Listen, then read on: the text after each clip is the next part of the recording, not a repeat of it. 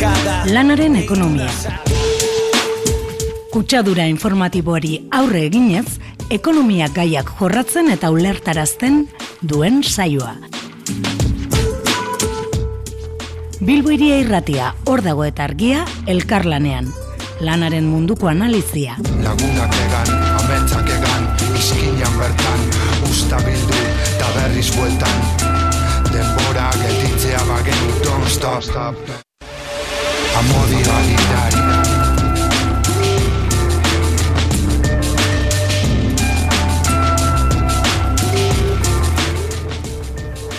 Bueno, bueno, bueno, hemen gaude, Bilboria irratiko estudioetan, beste behin ere, lanaren ekonomia saio berri bateri heltzeko, ba, betiko lez, gurekin, alde batean baitane jaio, kaixo maitene, Keixo. Beste aldetik be bai, Inez agirre askoenaga, kaixo Inez, Egunon, bai. eta bueno, gaur gure gonbidatu berezia, ahosta zelaieta, egunen ahostar, Oso, bueno, poste naiz. eskerrik asko zuri, e, Bilboirian estudioetara etorri izanagatik. E, gaur dekogun e, saioa pizkat berezia da, e, ja kasi sei urte dara honetan, gure larogeita amabosgarren saio honetan, laster e, urte betetxea izango dugu eungarren saioa ospatzeko, beti ere lanaren ekonomia saioa egiten dugun, ba, Bilboiria irratia, hor dago, El Salto Radio eta argian arteko elkarlanaren ondorioa. E, esaten dudan moduan, e, gaurko saioa berezia da baita ez ere, e, hor dago El Salto aldizkariaren aro berri bat aurkezteko e, saioa dela, e, berez, e, irurogeita bederatzigarren alea atara dugu hor dago Salto, kasu honetan formatu eta tarteko tasun, pekotasun aldaketa batekin batera datorrena, Euskal Oasiaren mitoa, e, radiografia de la corrupción silenciosa del PNV, e, berez e, izan da hartutako gaia, eta bueno, ba, horretarako alde batean e, ahosta zelaieta e, ikerketa kasetaria eta kriminologoaren ba, ba, e, reportai luzea dekogu hor barruan, eta baita ere e, e, Ziara Jainagak egindako elkarrizketak, ba, alde batean e, e, Laura Gomez e, e, militante feministari eta Garbine Biurrun e, epaileari. Gaur be gure saio honetan e, Garbine Biurrun e, eukingo dugu baita ere elkarrizketa elkarrizketatzeko aukera eta bueno, ba, gaurko menua gaz bukatzeko eta beti e, e, hildo monografiko honetan ba, jarraituko dugula e, argiako Gorka Perikaga... Peñagarikano. Parkat. Gorka Peña Garitano kasetariekin bera de Miguel Ausia gonda jarraitzen azken aste hauetan e, argia, argia, argierako eta bueno, beti ere eta nola ez aurretik e, ba, gure sindikal agenda eta honekin hasiko gara e, Inez Agirre askoenagan e, partetik. Amodi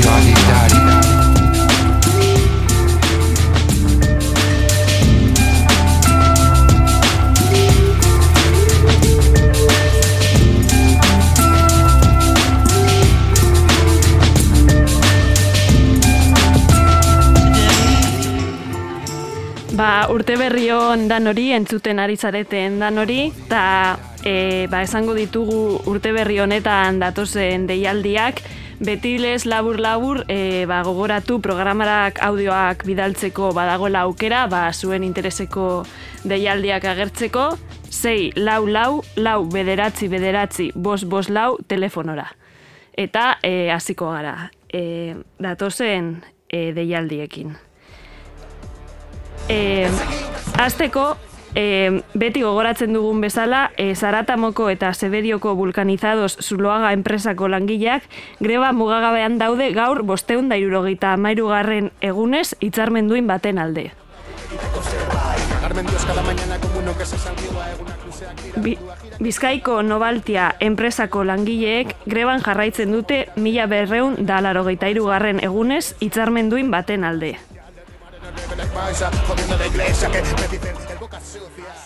Aginaga komertzialeko langileek 2000 eta hogeita biko urriaren hogeita zazpitik daramate greba mugagabean, hau da, ia hiru hilabete, larogeita amar egun. Iruñeako Lamoreako H&M edendako langileek berrogeita zazpi egun daramatzate greban. Hau da, abenduaren bederatzitik euren lan baldintzak hobetzeko helburuarekin. Gazteizera joan da, artetze itatzi, neurketa transformadoreak fabrikatzen dituen enpresako produkzioko langile guztiak greba mugagabea egiten ari dira, urtarrilaren amazeitik. Hau da, gaur, amar egun betetzen dituzte soldata igoerak bermatuko dituen hitzarmen kolektibo baten alde. Iruñara itzuli, itzulita txantreako igerilekuetako langileak greban egongo dira otsaiaren boster arte. Bi asteko greba hasi zuten urtarriaren hogeita iruan.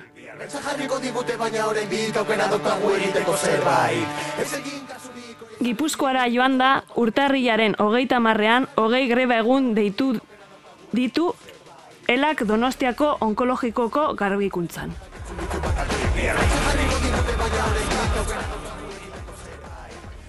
Ipar Euskal Herrian erretreten erreformaren kontrako deialdiak ari dira edatzen. Hau da, e, Frantziar estatuak e, jarri dituen erretiro, erretirorako baldintza e, txarrak e, salatzeko. Urtarriaren emeretziko greba egun arrakastatzuaren ondoren, urtarriaren hogeita zeian, hau da, bihar, ostegunean, Baionako portuan erretreten erreformari eseskoa emateko antolat, antolatu dute ekimena. Goizeko sortzi terdietan, bihar bokaleko askatasunen biribilgunean portua blokeatzeko asmoz.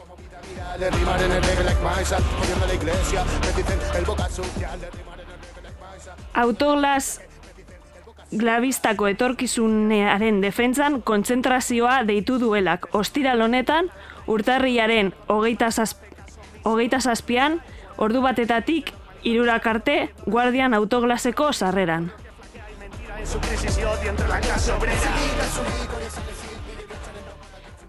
Greba egingo du gorabideko plantillak otsaiaren sortziak. Enpresak hitzarmenaren negoziazioa blokeatzeko utz diezaion. Gaur urtarriako geita zazpi amaiketan elkarreratzea gorabidek Bilboko plaza lizentziatuaren kalean duen egoitza nagusiaren aurrean. Otsaiaren batean, zeiterdietan manifestazioa egingo da, eta adiegon otsaiaren sortzia greba eguna deitu dutelako.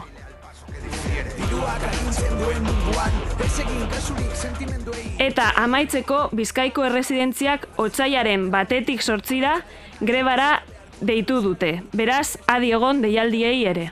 Una lortuta ikurriña entzuneneko kerreko du.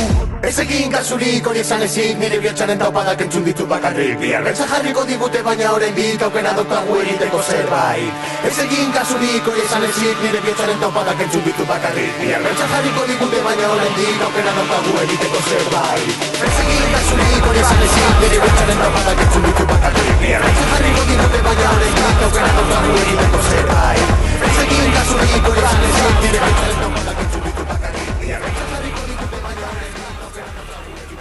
Bai, gaur esan dugun bezala, Euskal Oasiaren mitoari helduko diogu eta horrela hor dago aldizkariak irureta, behat, irureta behatzi garren edizioan egindako monografikoan oinarrituko gara. Hala, Ostar Zelai eta ikerketa kasetaria daukagu hemen e, gar platoan, e, ikerketa honen arduran duna izan dana, eta, bueno, baita ere gogoratu behar dugu, anitzak izan direla, ba, zelaietak zelatutako Euskal ustelkeriaren aldeak. Egunon, e, Ostar, eta ongi etorri Bilbo iriko estudiora. Egunon, misker. Bai. Bai, bueno, e, azteko hasiko gineake, ba, bueno, esaten, ba, PNV-ek Espainia, Espainiaren ba, gobernantza turnistan e, edo nogaz ados jartzeko ba, joera izan dauela, ez? Tru, trukesko favoren truke. Eta hori ba, ba, izan dela ba, Euskal Oasiaren mito ulertzeko ba, elementu garrantzitsu eta hariko bat. Ez da? Bai, bueno, nik inoiz aipatu dute ironia pizka batekin eh, PNV ez dela alderdi egoskor bat, eh? oso alderdi e, solidarioa dela. Eh? Eta badaki bere bezerokeri kuotak e, oso ondo e, banatzen. Hm? Orduan, e, lehenengo eta behin, e, bai, aipatu duzun bezala, e, PNV-ek bai PPri eta PSOEri laguntza eskaini dio eta beraiek horrela onartu dute ere e, gobernuak aurrera emateko. Eh? Lehen, lehenengo gobernua PNV-rik gabe ez da ulertzen eta PSOEren gobernu batzuk ere PNV-ren e, aldeko botoekin e, al- al- al- aldeko botorik gabe ere ez da ulertzen. Baina baita ere esan behar e, hemen Euskadin berton, Euskal Oasian berton, e, gobernuan PNV ez dela bakarrik. Eh? PNV-erekin batera egon dira PSE, bere momentuan baita ere Eusko Alkartasuna eta Euskadiko Eskerra eta Eskerra Unida ere bai eskerratua. Mm? Osa nahi da, ba, mm, hori dauka e, zaugarri propio bezala e, Eusko Alderdi Jeltzaleak. UPNek kasuko edo PPek edo PSOek ba, nahiko egozkor jokatu dute bere gobernuekin askotan. Ez dituzte, ez dute nahi elkar banatu bere poterea. mm? Eta e, EAJak ondo ulertu du ba, poterea elkar banatzea ba, e, beraren favore egiten duela. mm? Eta e, egia da ere bai, ba, mm, PNVek eh, oso ondo jokatzen duela e, esaera zar hori gogoratuz, ba, e, kanpoan nahiko uso jokatzen duela eta etxean nahiko hotzo. hm? Kasuko, ba, orain e, berriz e, mai gainera atera da, e, ustelkeria salatzen dutenen e, pertsonei ba, babesa eman bar zaiela, eta Europatik e, ba, e, gomendio hori badago, eh, Europako e, parlamentuan ere hori jorratu da, eta e, iniziatiba batzuk e, ba, babestu dira, zentsu horretan. Eta alde PNV-ek, PNV eh, Madrilen e, ba, joera hori babestu du. Sa, salatuek, sala- salatzen dutenek, ba, babestuak izan behar direla. Baina Euskal Parlamentuan e, kontra egin du. E, bai Bilduk eta Elkarrekin Podemosek e, aukera hori planteatu dutenean parlamentuan ba, kontra egin du. Eh? Orduan, ba, Madrilen badauka beste aurpegi bat. Eta, e, bueno, ba, gertatzen da, ba, Madrileko inkluso esker, e, esker kutsua duten e, personalidade batzuk ere, ba, PNV-ren e, ilargiaren aurpegi hori baino ez dutela ikusi. Orain gutxi arte, zeren ba, e, hausitegi gorenak, Tribunal Supremo beritzonak, ba, sententzia bat konfirmatu du eta Madrilen ba, e, noski hausitegi gorena izan denez e, epaitegia e, ba, sententzia egin, e, bota duen e, epaitegi, epai, e, epaia Madrilen eginda eta orduan ba, hoi hartzuna handiagoa izan du. 2000 eta garren urtean e, Arabako e, ausitegiak, e, audientziak e, e, plazaratu zuen epaia baino. Bueno, torain Madriletik ona itzuliz, aldundi eta udalen egiturak eta instituzionalan sorturiko impunitatea eta tresna judizialen gabezia dira euskal e, ustelkeriaren inguruko pertsepzioa aztertzeko bi elementu nagusiak. E, zein esan dezakezu dala egoera? Bueno, bata besteari lotuta daude. Osea, impunitatearen kontzeptua eta gabeziaren kontzeptua lotuta daude. Oda, e, e, emakumeen kontrako violentzia e, aur, ari aurre egiteko e, tresna judizialik ez badago, ba, e, biktimitzailei impunitatea ematen zaie. hm? Beraz, e, ustelkeriari aurre egiteko e, tresna gabezia handia badago, ez bakarrik arlo juridikoan, baizik eta arlo polizialean edo komunikabideen arloan edo agente sozialen arloan, e, ustelkeren impunidadea handiagoa da. Eta hori da, ge- pizkat e, azalarazi nahi izan duguna e, monografiko honetan. E, Daiko simbolikoki, ze iruro eta garren zenbaki erabaki da, ba, oso zenbaki sexuala, ez? Ustelkeriari buruz hitz egiteko. Eta, bueno, berton plazaratu dugu pizkat, ba, zeintzu diran gabezi hoiek, e, nun, ba, nolabait, ustelkeria izeber bat balitz, hm?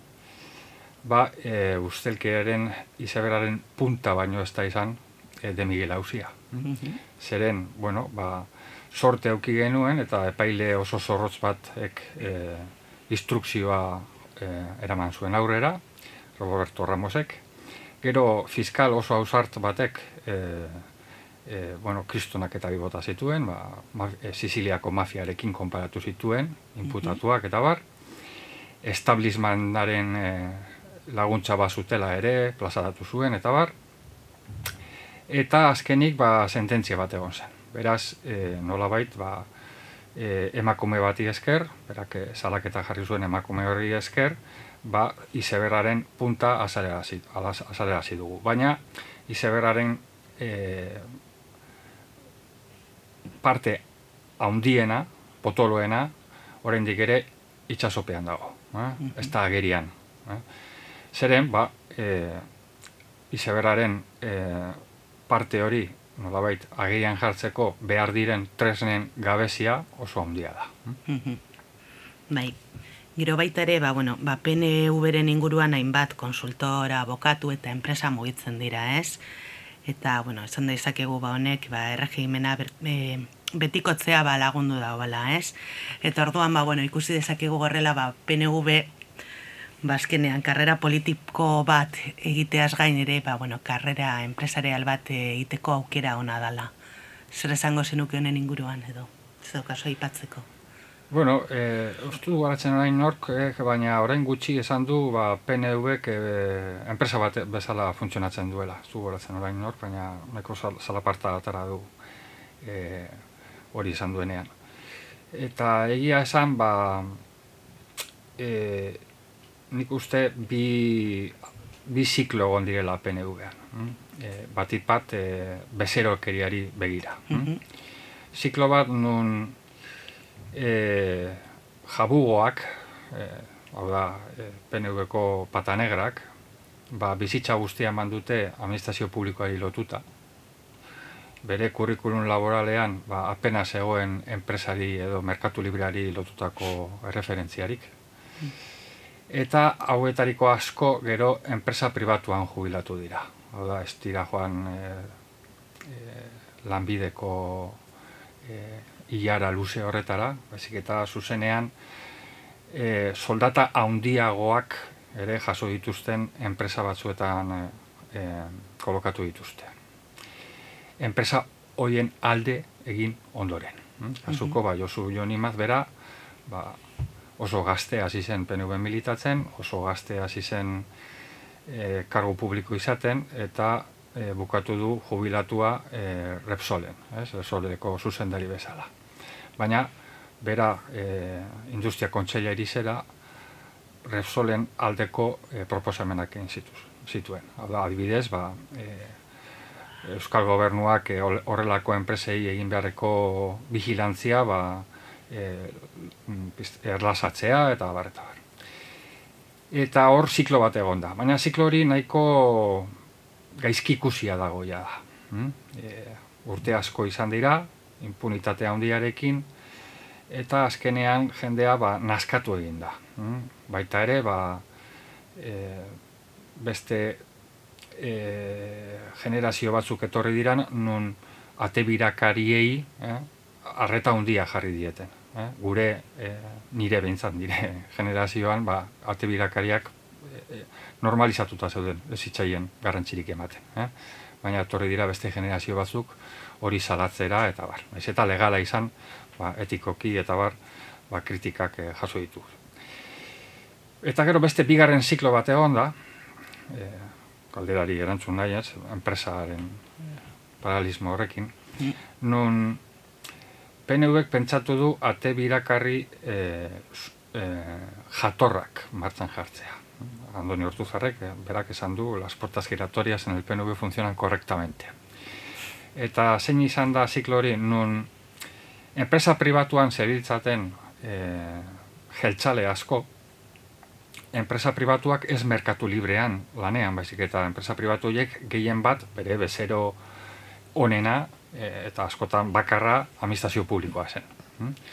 Beraz, enpresa pribatuan murgilduta dauden e, jeltzale batzuk esperientzia handi hartu dute, enpresa pribatuan lanean, baina administrazio publikoaren txat lanean e, dauden enpresa pribatuetan lan egiten. eta kurrikulum, lodi, kurrikulum lodia egin dute zentzu horretan. Eta bat batean politikan sartu dira. Hala, holako ba, sakrifizio bat egin dute, e, e, gure alde, hm? eta e, beren enpresa pribatuko karrera importante hori alde batera utzi dute, eta e, e, administrazio publikoaren alde hasi dira lanean, eta administrazio publikoaren alde lanen egitea esan nahi du, ba, diru gutxiago kobratuko dutela, ordu gutxiago ongo direla bere familiarekin, eta bar, eta bar. Hm? Orduan, imaginario hori ondo landu dute, eta lehen enpresa buru zirenak orain ba, e, gestio buru e, bilakatu dira. Eta horrek ere, ba, beste reperkusio bat izan du, nun gaur egun nahiko kritikatua da ere, hm? Ziklo hori batez ere ba, amar amabostute dara matza e, intensidade osoan lanean, eta amar amabostute horretan ere ba, nahiko bezerokeri kasu, ustelkeri kasu eta barra gerian utzi ditu e, modus operandi horrek, eta e, bueno, nahiko denostatua dago ere gaur egun e, ziklo berri hori, PNV-ren ziklo berri hori. Eta orain, hirugarren ziklo bat martzan ari da jartzen, eta da e, jobu bien erreleboa, jovenes burukidez bizkaino zen erreleboa, PNV-ren buru ziren jovenes burukidez bizkaino hauek gehien bat gizonezkoak ziren. Eta orain beste e, txanda bat dator eta emakumeak nahi ditu plantatu e, buru bezar. Hm? Horrek esan nahi du PNV-ren feministazioa datorrela eta bar, ez dut uste, baizik eta e, nolabait ba, e, emakume horiek ere oso domestikatuak daude, komilaz artean, eta bakit politikamente inkorretua dela hori esatea, baina oso domestikatuak daude alderdiaren aparatutik. Ez dira emakume independienteak edo oso feministak, oso radikalak eta barra, ezik eta ba, PNV-eri oso lotuta dauden emakume oso domestikatuak, eta bueno, hori da hirugarren zikloa ikusiko du ber zer ematen duen. Bai, eta, bueno, azkenen amaitzeko, e, Zapatuan San Franciscoko zarean, e, hor dago iru eta behatzearen monografikoaren aurkezpen egingo dozu, ez? Eta hor, Euskal Oasiari buruz jarduteaz gain, ere Euskal Komunikabideen konplizitatea ba, gobernuko alderdi nagusiarekiko, ere ba, landuko dozue. Aurrera te aldu guzu apur bat honi, azken honi buruz. Bueno, nik daki dala, bueno, lehen gotain, berriro ere hor dagokoak oso simboliko jokatu dute hor, zeren e, iru eta behatzi garen zenbakia, San Francisco auzoan eta barrio txinon, ez? E, eta, bueno, e, bueno nik e, hor e, pizkate lagunduko diedana da, ba, monografiko hau pizkata saltzen, azalerazten, ber, berton dauden edukiak e, aurkezten eta bueno, aprobetsatuko dut ba hor dago hori eskerrak emateko, e, zeren e, bueno, ba, e, ustelkeri monografiko horren implikazioa hor dago ke izan duena ba eskertzekoa da. E, beste batetik e, nire lankide diren Ekaitz Kanzel eta Luismi Barzenillak ere merezi dute e, bueno, ba, ez, ez, ez da posible monografiko hau edo nire kolaborazioa bera e, hor dagoen beraien gabe, e, ez beraz talde lana izan da, e, naiz eta nik sinatu ba, talde lana izan da. Eta, e, bueno, ba, pizkat niretzako izango da, ba, etxera bueltatzea ere, pizkat pertsonalki, zeren ni biro la bizi izan dakoa naiz, eta ez da niretzako leku arrotza. Bai, eta, bueno, azkenean be hori ez, komentatzen genuen, e, aurkezpen horrek bihar bat izango du dituela, ez? Bat Euskal Oasiari buruz hitz egingo dozuela eta beste batek komunikabideek zelan e, indartzen da ben Euskal Oasi hori. Komunikabidei hmm. buruz e, zer esateko daukazu asko izango dozu esateko? Bai, bueno, da demoraz justo gabi zenik. Bai. Ez naiz asko lusatuko. Bueno. E, alde batetik e, komunikabideak e, nik bizi izan ituen garaian, nik gaztean nintzen garaian e, dinosauruak zebiltzaten e, lurrean, hm? oraindik. Eta e, laro gaita margaren amarkada horretan, ba zeuden e, ikerkuntza talde ugari medioetan. Mm? Eta beste medio batzuetan e, ikerkuntza talde horiek desagertzear zeuden, baina e, prestigiosoak ziren. Kasuko deian berton, deia egunkarian, ba, egon zen talde bat, talde kontsintza zuen kasetari talde batek, e, gal hausia, buruz makina informazio plazaratu zituzten esklusiban. Mm? E, el mundo nere, ba, zeuden beste kasetari batzuk, eta harinago ere, hortik ibilitako e, e, beste e, egunkari batzuetan ere, ba, ibilitakoak ziren, ba, kasetari batzuk, e, ba, ikerketa egiten, zebiltzaten laro gaita margarren amarkadan. Eta e, naiz eta bakoitzak bere ideologia eduki edo bere editorial e, ba, menpekotasun bat, hm? ba, e, normala zen e, euren artean informazioa trukatzea. Hm? Eta medioetan ere, bazegoen kontzientzia bat, naiz eta talde horiek dirutza asko gastatu, ze, egia da, e, ikerkuntza talde batek diru asko gastatzen du. Hm? Hau da, e, ba, zera, zulo, diru zulo ekonomiko, zulo bat da, eh, diru zulo bat da, eh, enpresentzako. Eta gainera, ba, etxaiak egiten ditu, publizidadearen arloan, administrazioarekiko harremanen arloan eta bar. Bueno, baina naiz eta hori gertatu, ba, medioek ikusten zuten ba, notizia horiek oso irakurria zirela eta irakurlea oso fidel egiten zu, fideltasuna lortzen zela irakurlearekiko edo irakurleak medioarekiko, zeren e, kompromiso hori, kasetaritzaren kompromiso hori, hau da potereak izkutatuta nahi dituen gaiak plazaratzea, e, ba, betetzen zela. Mm? Mhm eta e, irakurlearen eskubide hori, nun informazioa e, jasotzeko eskubide hori, bete erazten zutela e, kasetari horiek. Gaur egun hori asko aldatu da, medioek ba, kasetari batzuen gain utzi dute motxila hori. Ez dago talderik, ez dago ez, e, lehen egin, egineko ikerkutza talde bat zegoen, gaur ez dago ez garan, ez berrian, ez argian e, ikerkuntza talderik, e, badaude kasetari batzuk ikerkuntza egiten dutenak, baina ez dago talderik. Eh? Mhm. Eta el mundo nere ez dago, el paisan ere ez dago, badaude kasetari batzuk eh, ikerkuntza egiten dutena, baina ez dago talderik. Hori da, diferentzi nagusia. Gero, noski, eh, ba, kasetaritza gaur egun, ba, iru, kasetaritzaren iru, euneko iruro gehiak kasetaritza deklaratiboa da. Zan da, oso eh, ekonomikoa da. Hau da, e, John Barnattek ez dakiz esan du unibertsitatean, irakasleak ez ikasleak ez dakiz ere erreplikatu dio, eta bedela ordena jartzen etorri da. Orduan, ja, lau horriku e, betetzen dituzu periodikuan e, deklarazio horiekin, ez? Hau da, urkulluk ez dakiz esan du, e, e, Arnaldo Teik ez dakiz ere erreplikatu dio, eta sindikatuek ez dakiz ere esaten dute. Eta horrek ze sortzen du, bakistoren dependentzia, e, ba, ze, alde batetik oso ekonomikoa da, oso erraz betetzen dira horri aldeak, ez duzu dirurik inbertitu behar, baina ez diozu lekur ikusten zure agenda propioari. Zuk nahi dituzun gaiei pasaratzearen e, eskubide hori badaukazu ere, baina ez daukazu lekurik, kasi. Hm? Ez daukazu errekurtzorik, kasi. Eta hori medio alternatiboetan ere gertatzen da bestera batetara. Kasuko Bilbao irian, ba, gaur ba, guri buruz ari zarete, gu ari gara zuen irratia okupatzen, hau da, mhm. Bilbao iriak, ez dauka bere agenda propioa egiterik, zeren bestei bosa ematen nahiko lan ematen du.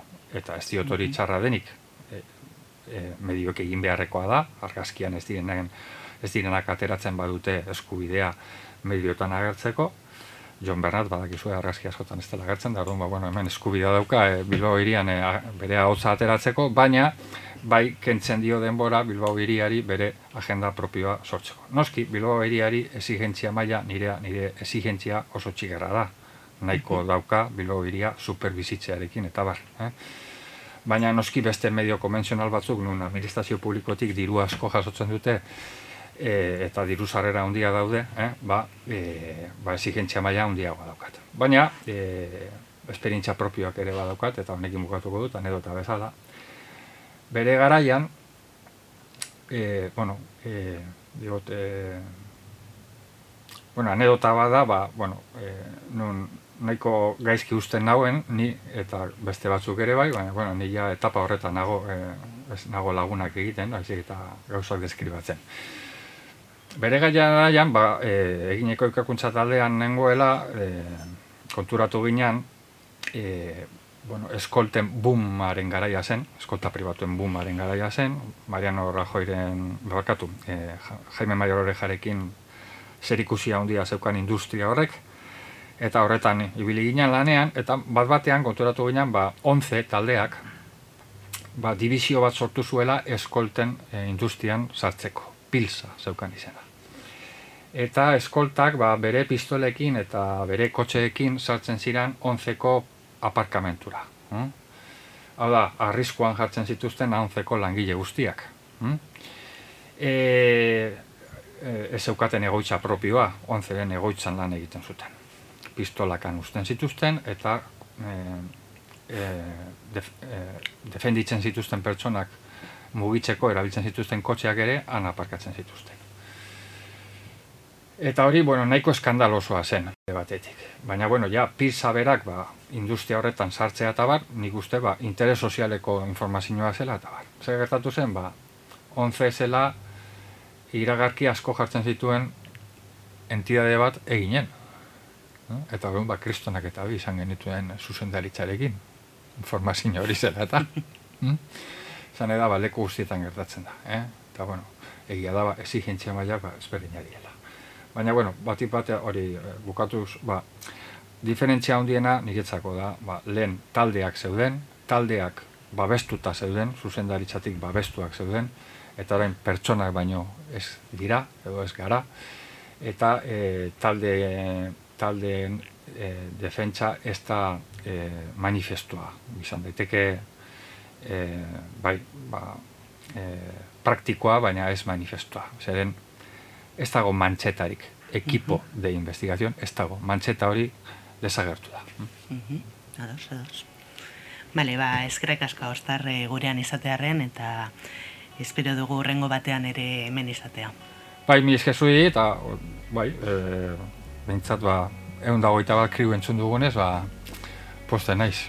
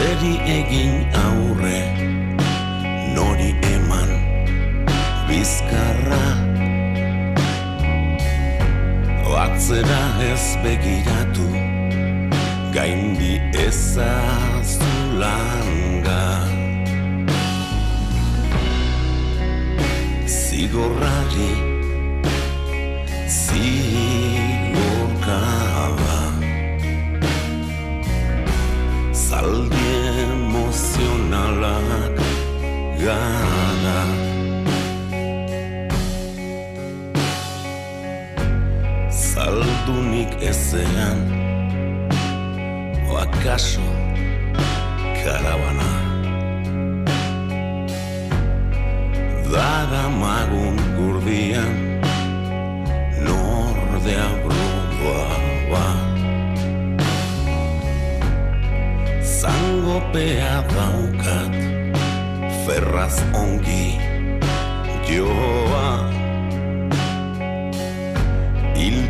ekin josita daude.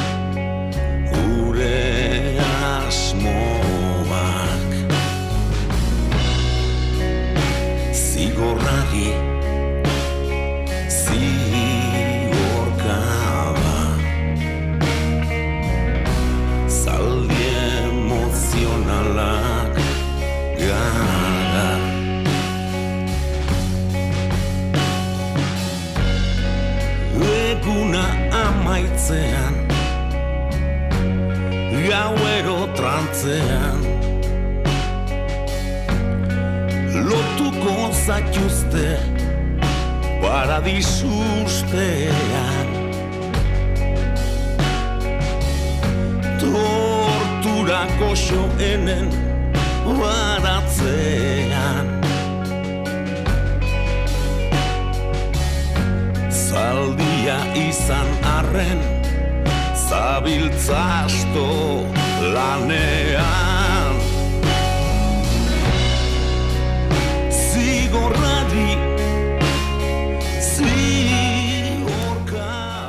Bueno, bueno, bueno, eta petxiren zaldi emozionalak abestiaren parte bat entzun eta gero gure gaurko saioaren e, bigarren elkarrizketa potoloari helduko diogu. E, horretarako e, gurekin dago Bilboiria mikroetan Garbine Birrun, e, kaixo Garbine? Kaixo, egunon. Bueno, e, e, EHUko irakaslea eta e, EAeko hausitegi nagusiaren areto zareko presidentea zara, baita e, oiko iritsi gilea edo, edo bueno, e, plazaratzen dozu sarritan zure hausnarketak be bai komunikabideetan, eta bueno, bazkerrik asko baita gaur Bilboiria irratiko mikroetan e, e, zureak esateagatik. Eskerrak zoi. Bueno, em, dela gitxi, e, ba, ba, e, baiestatu da de Miguel Ausiaren sententzia, eta, bueno, ba, lehenengo e, horrelako ba, iritsi bat horren inguruan emotea, aber, e, zein dan zure, zure karpena, edo zein dan zure iritsi horren inguruan, batez ere, ku, salbuespen gisa ulertzen badozu, kudeak eta eredugarri eta garbia egiten duen PNV-en e, arloan, edo, e, beste batzutan entzuten dugu moduan, ba, izeber baten puntaren antza hartzen duela, uste, uste baduzu. Ba, nik ezingo nuke esan, ez daukat horretarako daturik, bueno, ez dut uste inor dauk, inorrek daukanik ez da esateko ea bat izeber baten punta bakarrik dan, edo ta, horren kontrakoa, hau da, nolabait esateko ustelkeria e, erabazea zabalduta dagoen edo sistematikoa den hemen, ez da, nik dakidana da, zera, oasi, euskal oasiaren e, irudia, e, politikoki asko erabili izan dan irudi hori, izpilatze bat edo espejismo bat edo ilusio bat besterik etzela, irudi faltsua erabat, eta irudi faltsua nolabai zabalduta, edatuta asmo politiko garbi batekin, ezta.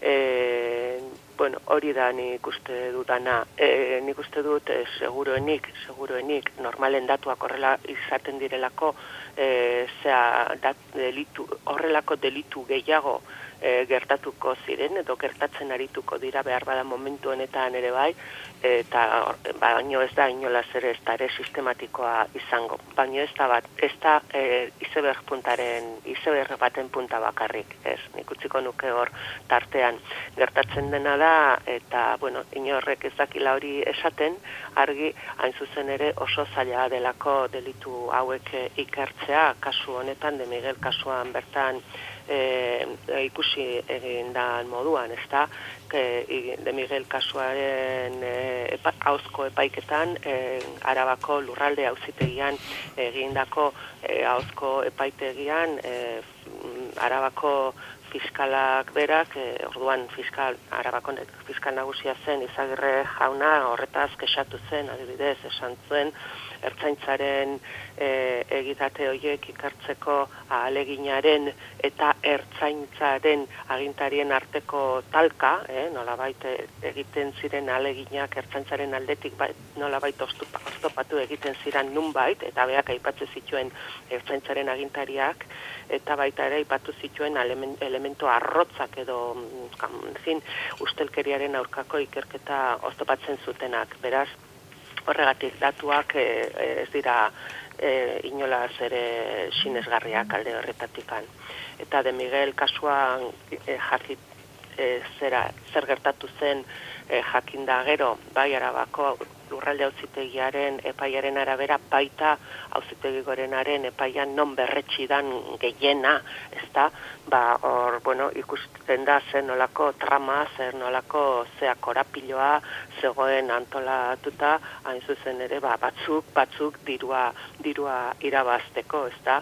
Hor esaten zan, em, e, udal administrazioko kargo, arabako udal administrazioko kargo, kargu batzuk, eta baita ere administrazio autonomiko kargo, kargo batzuk, eta EJ-ko e, alder EJ-aren e, kargu batzuk, hau da, de Miguel Otxandiano eta Telleriaren arteko adostasuna egon zela, horrelako zera drama bat e, antolatzeko, eta, bueno, nik uste dut nahiko garbi utzi, egin, utzi dela nola funtzionatzen duen, nola esleitzen diran obrak eta zerbitzuak askotan burutzen ez direnak, ez da, beste batzutan bai, baina beste batzutan ez, zergatik esleitzen diran enpresa batzuetara, eta gero zer nolako nola ordaintzen diran komisioak eta bar eta diru publikoa nola mugitzen dan azkenean e, patrika batzuetara iristeko edota bueno helburu e, e, helburu publikoarekin zer ikusi ez daukaten e, helburuekin ezta? E, bueno eta eh, azken hausia hauetatik eh, tiraka eta ja zizara bakutsu bet ba, eh, horren inguruko eh, hausnarketa bat egiten eh, lan harremanetan eh, bueno, eskarmentu eta bilbide luzeko eh, emakumea zara eta bueno, ba, hor eh, lan harremanetan eh, bueno, ba, badau legedi aman komun bat bere alde hon eta txarrekin eta badago baita eh, mekanismo eta ikuskaritza en, bueno, ez suficientemente indartsua, baina edo zeinean nahiko eh, abateratua ez. E, beste arraloetan ez bezala, ez? Euskal Logasuen arteko zatiketa dago, e, mekanismo eta horretegi asimetria dago, aldundi desberdinen artean, eta bueno, beste kasu batzuetan adibidez, ez dakit ezin izango dan zu iritsia, adibidez, Jose Luis Bilbao, ez? E, epikoa izan zen bere agur ura, ez? Elan, e, ez, ez, bala, ez, bala, ez zuela bere memoriak eh, idatziko, gaur egun herri kontuen Euskal Epaitegien lendakaria da, ez? E, uste duzu politikari eta enpresarien arteko gertutasuna eta apurtxu bete kolizioa egon algeikela e, iruzurraren jatorrian? Ba, ez dakit zein dan horren jatorria argi dago, jatorrian dagoela batzuren eta besteren e, zera, a, a, aberasteko asmoa, edota diru publikoa era, e, beste zera, funtzio batzuetarako edo helburu batzuetarako erabiltzeko asmoa, ez da? E, nik uste dut horre egon daiteke elkarre, elkarriko zera, interes bat, interes aman komun bat, bueno, batena eta bestena, eta horre elkar daitezke interes, interes oie. Beraz, lotura hori egon daiteke, nik ez dakit egitan, eh? egitan ez dakit horrela gertatzen dan edo ez, baino, egia da, errealitatean horrelakoak gertatzen direla. Eta horrelako kasuak adibidez de Miguel kasuak. Eta beste batzuk, gertatu diren eta espero detez, baino segurenik gertatuko diren beste kasu batzutan, eta baita ere Espainia mailan gertatzen diren e, kasuetan, argi dago horrelako gertutasuna eta horrelako akordio e, ez, ilegaleak e, e, egiten, egiten direla, ezta. E, gertatzen dena da, honik esango nuke, enpresa asko kadibidez lana egiten dutela administrazio publikoentzat, e, hori argi dago toki guztietan, ez da, iruzurra askotan horrela egiten da, de Miguel Kasua adibidez adibide bat, da horren adibidea, ez da, garbia, ez da, ez da kita dezun gertutasun horren ondorioa den edo ez, baina egia da, errastasun guztiak jartzen, esango, azimarratuko nuke hori, errastasun guztiak jartzen direla horrelako delituak e, gertatzeko, gerta daitezkeen. Eta ez kontrako, ez dira inolako errastasunik jartzen horiek oztopatzen, oztopatzen, ez da gardentasun printzipio bat badago, lege bat badago horretarako, baino gero kontratuak ez lehitzerakoan, obra eta zerbitzuak ez lehitzerakoan enpresa pribatuen, pribatuei hor gertatzen da, hor gertatzen dira zera iruzurrak eta behar bada niretzat, e, bueno, behar bada ez niretzat, argit, nik argi daukat zerbitzu guztiak, zerbitzu publiko guztiak, edo behintzat gehien gehienak, bitarteko publikoekin e, burutu beharko liratekela, administrazioak berak eman beharko lituzke zerbitzu publiko hoiek, e, zuzenean edo enpresa publikoen bitartez. Nik uste dut horrela e, nolabait e, e, zaildu, zaildu egingo litzatekeela horrelako delituak e, gertatzea eta horrela moztu egingo lirateke, litzateke baita ere edo lirateke e, ustezko edo e, zea, ipatzen dituzun administrazio edo politikaren, nola baita esateko politikaren eta enpresarien arteko, enpresen arteko lotu, egon daitezkeen lotura horiek. Ja, baina, bueno, argi dagoena, eh, Espainian, eh, ondela urte batzuk, eh, egon zala eh, ustelkerien orkako udaberri bat bezala, ez? Eh, mi, mila, eh, mila, baino, mila baino gehiago auzipetu eta kondenatuak izan zituen PPek, PSOek baita ere nahikotxu, eta bueno, ba, kontzientzia moduko bat, eta ez dakit horren osteko, ba, horren mugatzeko ba, politika berri bat edo edo tresna berriak sortu badiren edo ez. Edo zeinan, e, ziur dana da Euskal Herrian hori ez dala gertatu, orain big beintxet, eta mm, dakit e, zelan ikusten dozun, e, uste duz igual tolerantzia handiagoa egon aldala Euskal Herrian normalizatzeko ba, purtsu bet, batzuk e, politika handabizen bereziki Euskal Derdi jeltzalea, e, gobernu burudan e, sarritan edo ia beti gobernu burudan Euskal Herri Jeltzalean e, apurtzuet tolerantzia dauela e, e, ustelkiarekiko baita alderdian baitan edo inkluso ez dakit agian gehiago herria bera e, hau da gu, gudanok toleranteak bagara e, ustel per, politikari ustelekiko Bueno, nik uste orokorrean tolerantzia handia, handiegia dagoela horrelako delituekiko. Hori argi dago, bai hemen, eta bai e, nolabait Espainia osoan, ez da?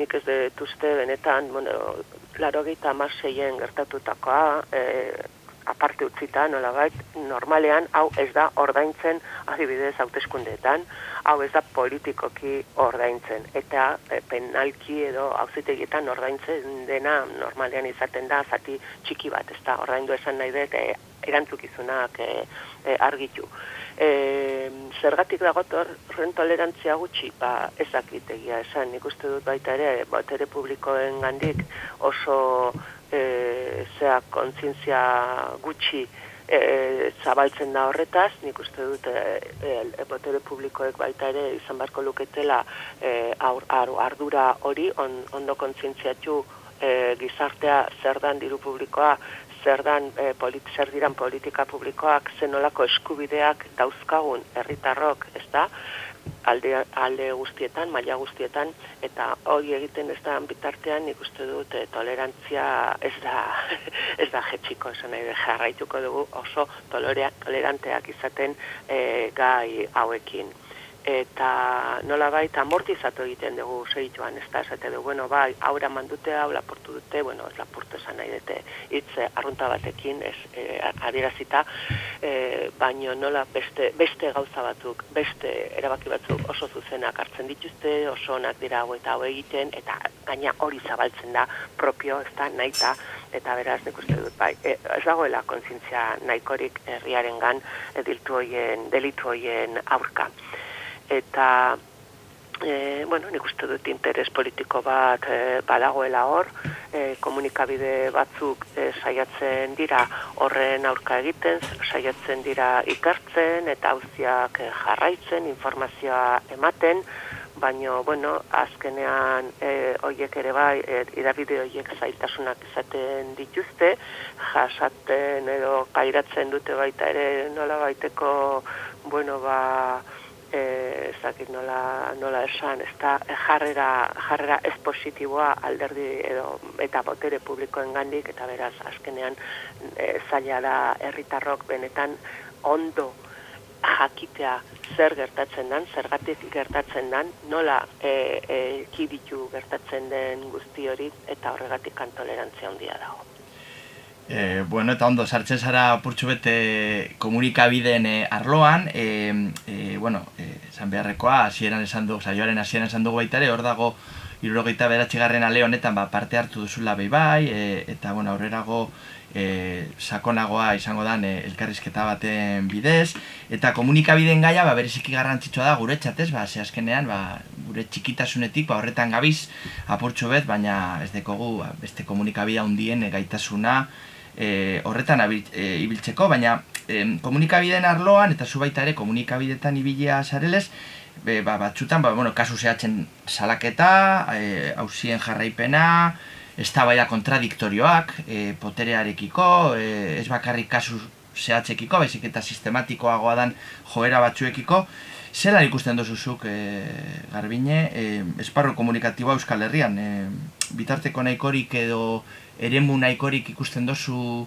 ba, politika garbia eta gardena egon alizateko? Bueno, azteko noski guztiz ezinbestekoa da gizarte demokratiko batean komunikabide libreak eta e, bueno, ahaltxoak, e, esan nahi dut edo bitartekoak dauzkatenak e, horrelako, bueno, komun, informazio, orokorrean informazioa sortzeko eta emateko, edatzeko, eta arlo honetan ba, horrelako e, egitateak, horrelako tramak eta horrelako korapiloak e, hori e, nolabait e, argi, argitara emateko, ezta? Nik uste dut lana oso zaila dela, e, meritu de benetan handikoa eta miresteko modukoa.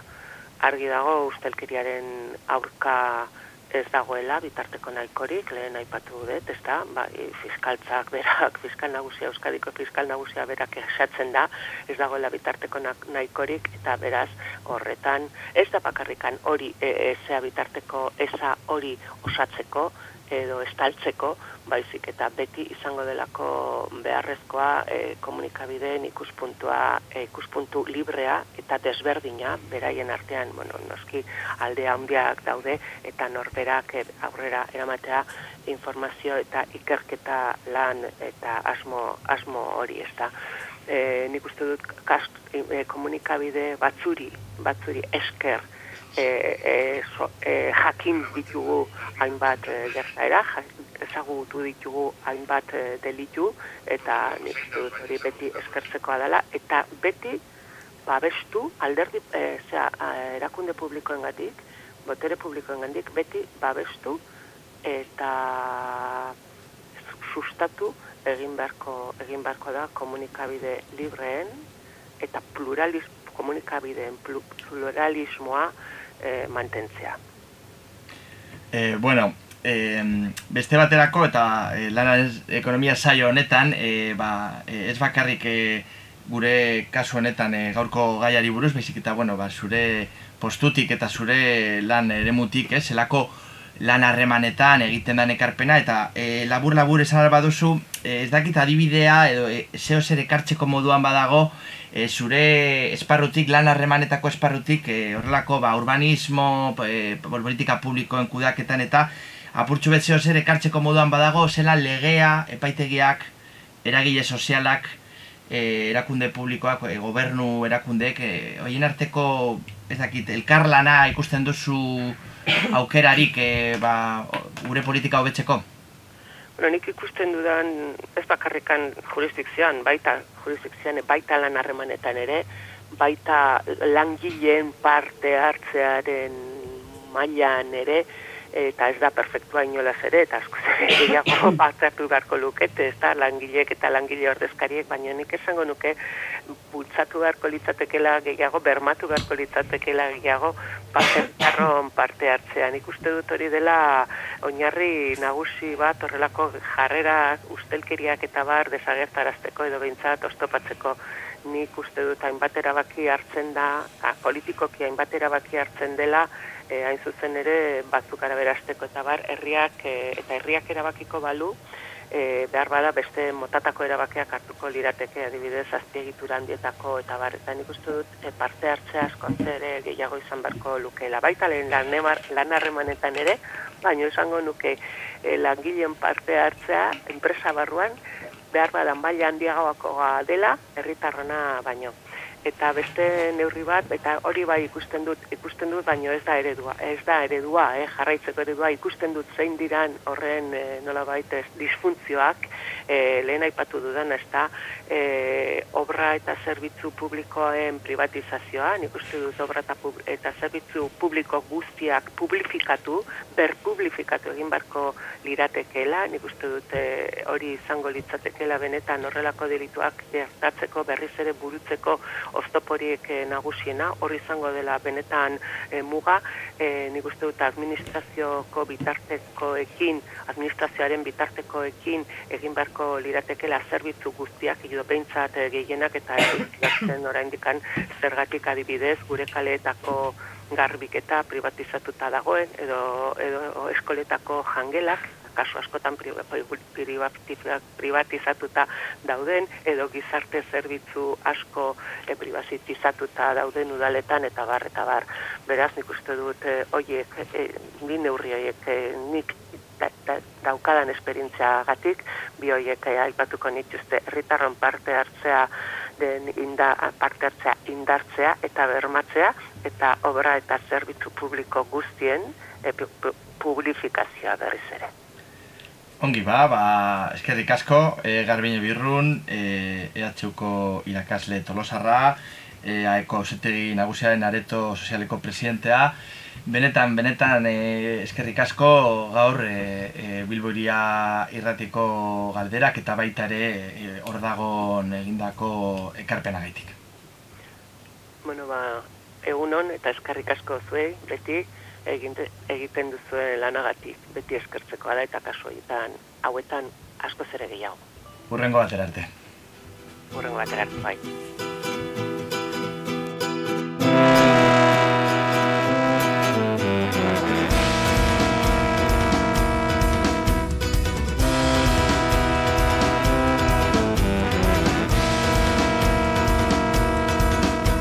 Eskubiko bidetik joan da etxe bat ikusiko duzu ezkerratara Eta etxe alboan txakur bat. Bi metrotako kate bat ez txapazko bidoi urdi bat lotua Ez du zankarik egiten baina kontu handia izan txakur gaiztoa da eta ez da txakurrona. Beraz ez zaitez bidoitik bi metro baino gutxiagora urbildu txakur gaiztoa da eta ez da txakurrona. Aginka egingo duzu aukera ematen badiozu horregaitik dago lotuta erdoituta dagoen txapazko bidoi urdi bati Gaiztoa baina eskubiko bideko etxeko txakurra. Gaiztoa eta beltza, gaiztoa eta beltza, gaiztoa eta beltza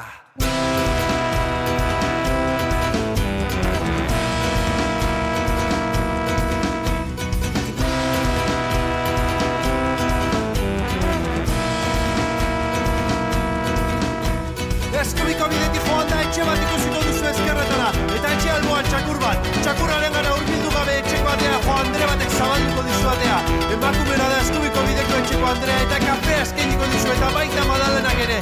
Sekulako madalenak egiten ditu eskubiko bideko etxeko Andreak. Eta hau da baldin bada eta beroa egiten badu sexu ere eskainiko dizu. Eta orduan zuk ikusi berak ez zaitu behar duko Emakumeona bai da eskubiko bideko etxeko Andrea. Emakumeona bai da eskubiko bideko etxeko Andrea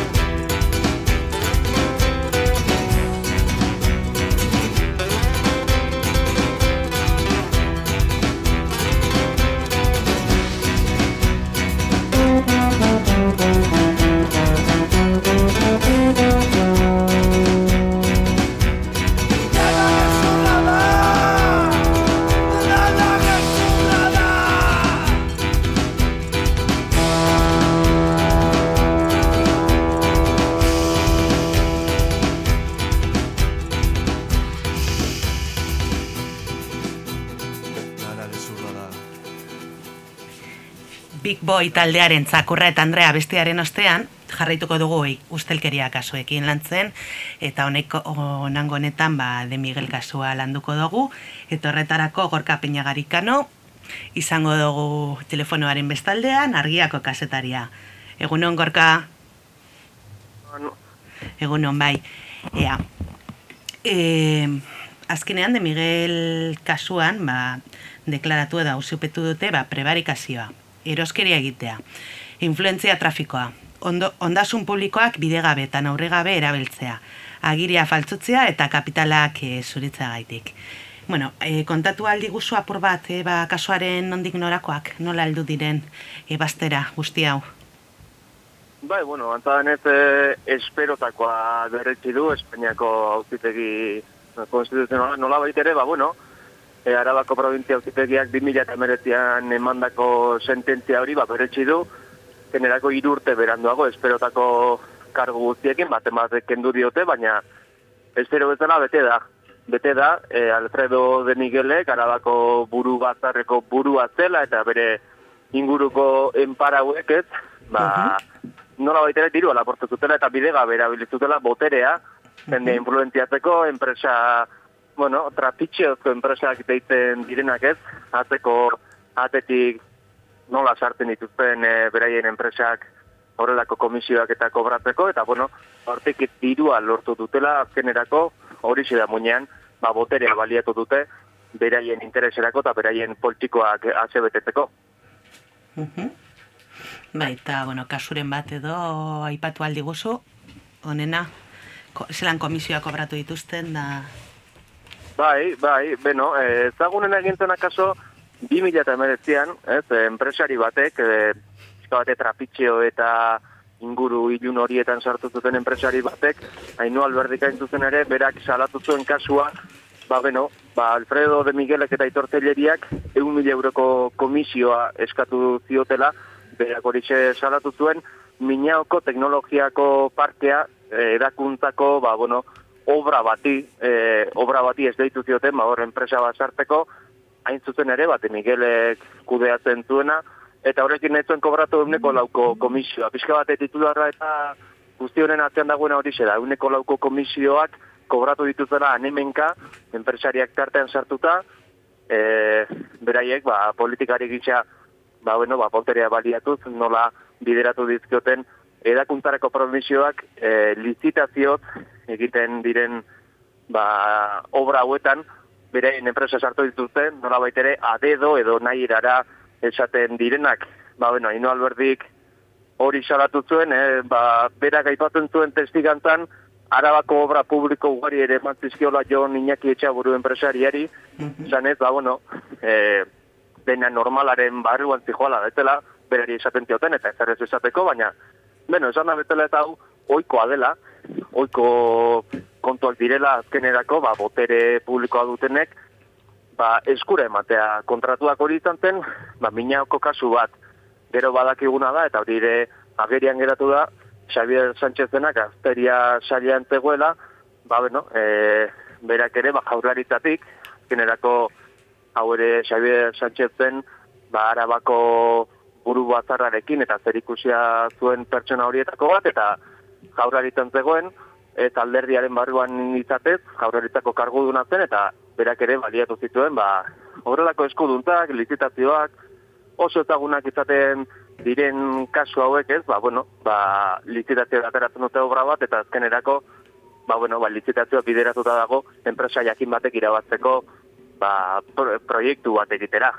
Minaokoan handitu nahi zuten parke teknologikoa, jarri zituzten pleguetan, ba, bueno, askotan izaten da, ba, enpresa bati hain justu ere egokitzen zaizkion baldintzak, jartzen dituzte licitazioko baldintza horietan, eta pleguetan, Eta bueno, ba, azkenerako ba, hartuetan e, edo norra punta daiteke licitazio hori eskatera, baina noski, plegoak enpresa jakin baten baldintzetara egokitzen baldin badira, berez justiziaz edo etikaz irabazi beharko luke enpresa batek.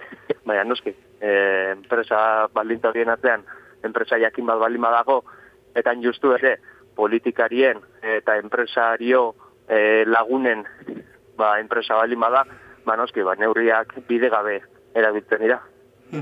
Ados. Ta bueno, amaitzeko, eh, esan aldi guzu, ba, bueno, komentatu aldi guzu, ba, de Miguelen amabi urteko espetze zigorraren ostean, ba, zelako erreakzioak egon diren, bai oposizioan eta baita ere Eusko Jaurlaritzaren aldetik. Hmm. Ba, bueno, gia esatera apur bat, e, zerikusia izan dezake, edo antzeko tasunak dauzka, e, osakidetako donostiako kontuarekin gertatzen denak, ezta? Ba, bueno, ateratzen da lertzen da uzia, lertzen da bomba, eta aste betean edo gutxienez, ba, bueno, edabide konbentzional eta gehienek ateratzen dute kasua, ateratzen dira oposizioko alderdiak lehenik, bai, atxibil izan zen okerozpan egon lehenengo hau nahi urruzon horren bitartez, ba, esan ez ez, ustelkeria sare handia dagoela iaiotan, alako gauza gertatzen diren ez dela lehenengo aldia, bueno, de Miguelen kasua da Euskadiko ustelkeri kasurik handiena, orain arte, argitu dena bintzat, eta hori dututa, ba, bueno, horrelako e, iritziak ateratzen dira, horrelako kritikak ateratzen dira, elkarrekin Podemos ere ateratzen, PP Ciudadanos ere bai, eta nola baitere, ba, osakidetarekin gertatzen den gixan, exigitzen, ba, ardura hartzetzala alderdiak, edo ardura hartzetzala boterea daukanak, eskatu zitzaien, e, azalpenak emateko, ea jota ateratzen azalpenak ematerak, apur bat e, behartuta edo kostata, edo horren ingurumari horretan, ine gorkulu lehendakari ere ateratzen, baina azkenerako mamian gehiek isakondu gabe, eta konton hartu behar da, irregulartasun hauek gertatu zirenean, urkulu bera zela Euskadi buru batzarreko, alegia Euskal Alderdi Jeltzalearen burua, eta estruktura kontuan hartuta, ba, Euskadiko buru batzarra daukagu goian, eta azpiko hiru franjak edo liratekenak, ba, bat arabakoa da, bizkaiko eta gipuzkoarekin batera. Eta arabaren barruan gertatu ziren, beraz, guzti horren ardura edo, gertatu zen trama guzti horren gainean, urkulu beraz egoen, bere horretan. Noski, atxiloketak eman zirenean duela ama bi urte okerrezpanago, e, urkuluk berak esan zuen, ba horlakoak ezin dira onartu, e, bidegabe jokatzen duenak ordaindu behar duela, eta kontu guzti hauek, baina alderdia zikindu gabe. Ez dela alderdiaren kontu bat, ez dela alderdiak berak sustatu duen zerbait, baizik eta pertsona hauek direla konkretuki bidegabe jokatu dutenak. Beno, bat, e, apur bat tira horretatik segita, bi aste pasatu dira, de Miguel hauziaren ebatzen, azken ebatzena, ebatzen ofiziala jaso genuenetik, eta antza denez, ba, beno, apaldu da giroa, ez da?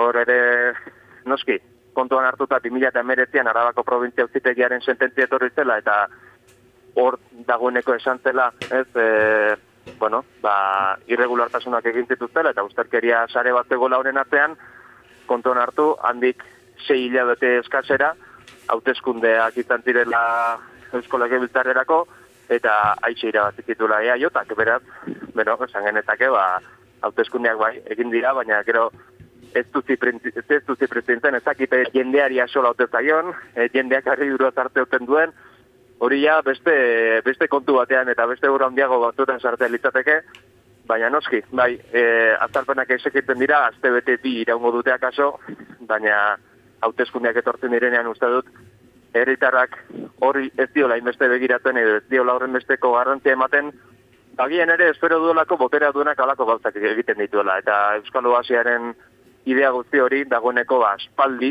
agortu zela, inork horretan sinisten, eta behin erabakik hartu behar direnean, ba, antza denez, boterea duenak alako kontuak egiten dituenez, ba, herritarrak ere baduka atxekimendu falta politikarekiko, eta hori hori nabari da. Estela, jendea gertuago baldin ba legoke politikatik eta ekinbide publiko, politiko eta sozialetik, uste dut bezalako neurri batzuk ere hartuko liratekela, baina antza denez, ba berdin dio, nork egiten duen zer, azkenerako e, emaitza antzekoa edo aurretik zetorrenaren jarraipena izan nahi da.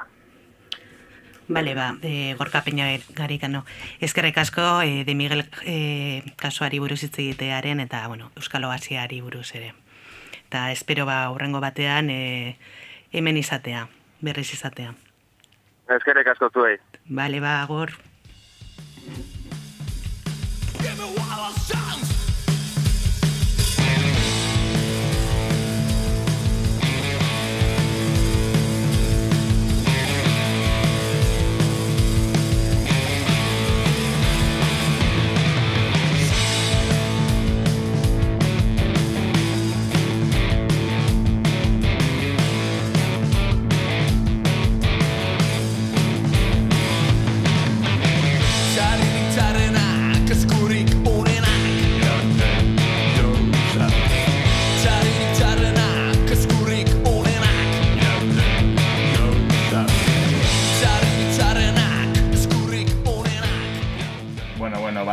Eskian kriston eskurrik onenak abestian gainean agurtuko dugu gure saio berezi hau, e, hor dagoko irurogeita bederatxigarren alea aurkezteko, zapatu honetan e, sarea gune komunitarioa San Francisco auzoan hemen Bilbon bertan e, aurkeztuko dugun monografikoa. E, betiko bezala, hemen e, lanaren ekonomia saioan, e, egon dira maitane jaio, egon da Inez Agerri askoenaga, e, dugu hemen gonbidatua berezia hostan zelaieta, eta, bueno, be, telefonen bidez, Garbino Biurrun, argiako betiko e, e, parte hartzea, eta gorka peña garikano izan da kasetaria, eta, bueno, ba, betiko ere, Bilbo iria, hor dago, El Salto Radio, argia, arroza sarea, eta, bueno, betez ere, eskerrik asko zuei, Bilboriako entzulei, gogoratzea, de Miguel Ausiatik aratago, ahostez eta bebai, Saldibar, de Migueleko euneko lauko hausean ingurko liburua, euneko iru, bost edo amar, esango ban Xabier Arzaiusek, e, residentziak esea eta beste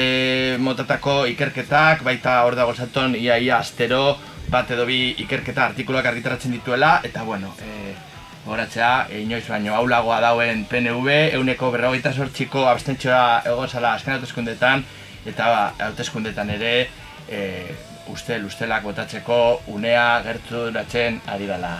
Ongi, gero arte...